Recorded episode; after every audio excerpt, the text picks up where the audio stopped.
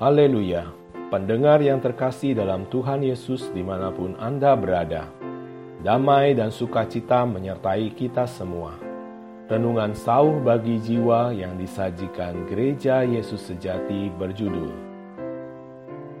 Berharap juga dan percaya. Sebab sekalipun tidak ada dasar untuk berharap, namun Abraham berharap juga dan percaya bahwa ia akan menjadi bapa banyak bangsa menurut yang telah difirmankan. Demikianlah banyaknya nanti keturunanmu. Roma pasal 4 ayat 18.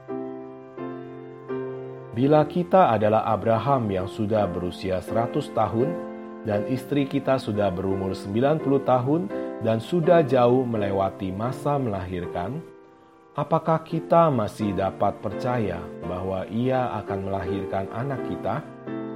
Apakah kita masih bisa percaya bahwa janji Allah yang mengatakan bahwa Ia akan mendapatkan anak? Kita tidak tahu apakah Abraham memberitahukan kepada sanak keluarga dan teman-temannya akan janji Allah ini. Kalaupun ya, pastilah setiap orang yang mendengarnya akan menertawakannya dan bersimpati menganggapnya sudah tua sehingga mulai sedikit kurang waras karena percaya buta akan janji yang mustahil itu. Tetapi inilah Abraham. Dia tidak pernah ragu akan janji Allah, sehingga sekalipun tidak ada dasar untuk berharap, dia tetap berharap juga dan percaya. Maka Abraham tidak lagi memperhatikan usianya yang uzur itu juga tidak risau dengan usia Sarah yang rahimnya telah tertutup.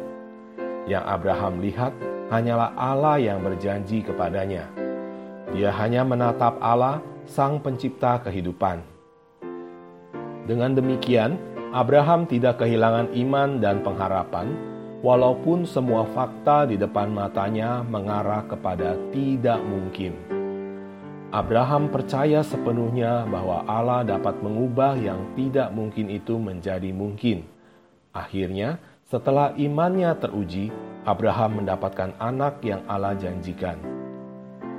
Tuhan yang hidup adalah Allah yang Maha Kuasa, dan kuasanya tak terbatas. Yang menjadi batasan itu adalah ketidakpercayaan hati manusia. Abraham sudah berumur 100 tahun dan Sarah berumur 90 tahun. Umur 100 dan 90 ini sangat terlalu lanjut untuk melahirkan anak, sehingga merupakan sesuatu yang mustahil menurut pengetahuan manusia.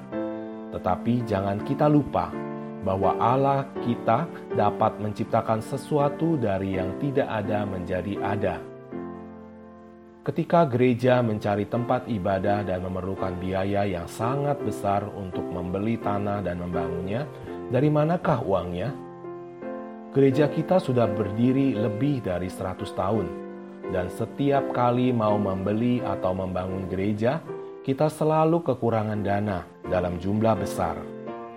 Tetapi karena Allah yang berkehendak membangunnya, maka usaha itu tidak pernah gagal Asalkan kita percaya seperti Abraham kepada janji Allah, maka semuanya akan terjadi.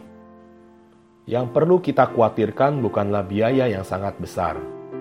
Asalkan kita sekuat tenaga memberi persembahan, maka sisanya akan Allah cukupi sama seperti Allah memungkinkan Sarah yang sudah lewat masanya untuk melahirkan.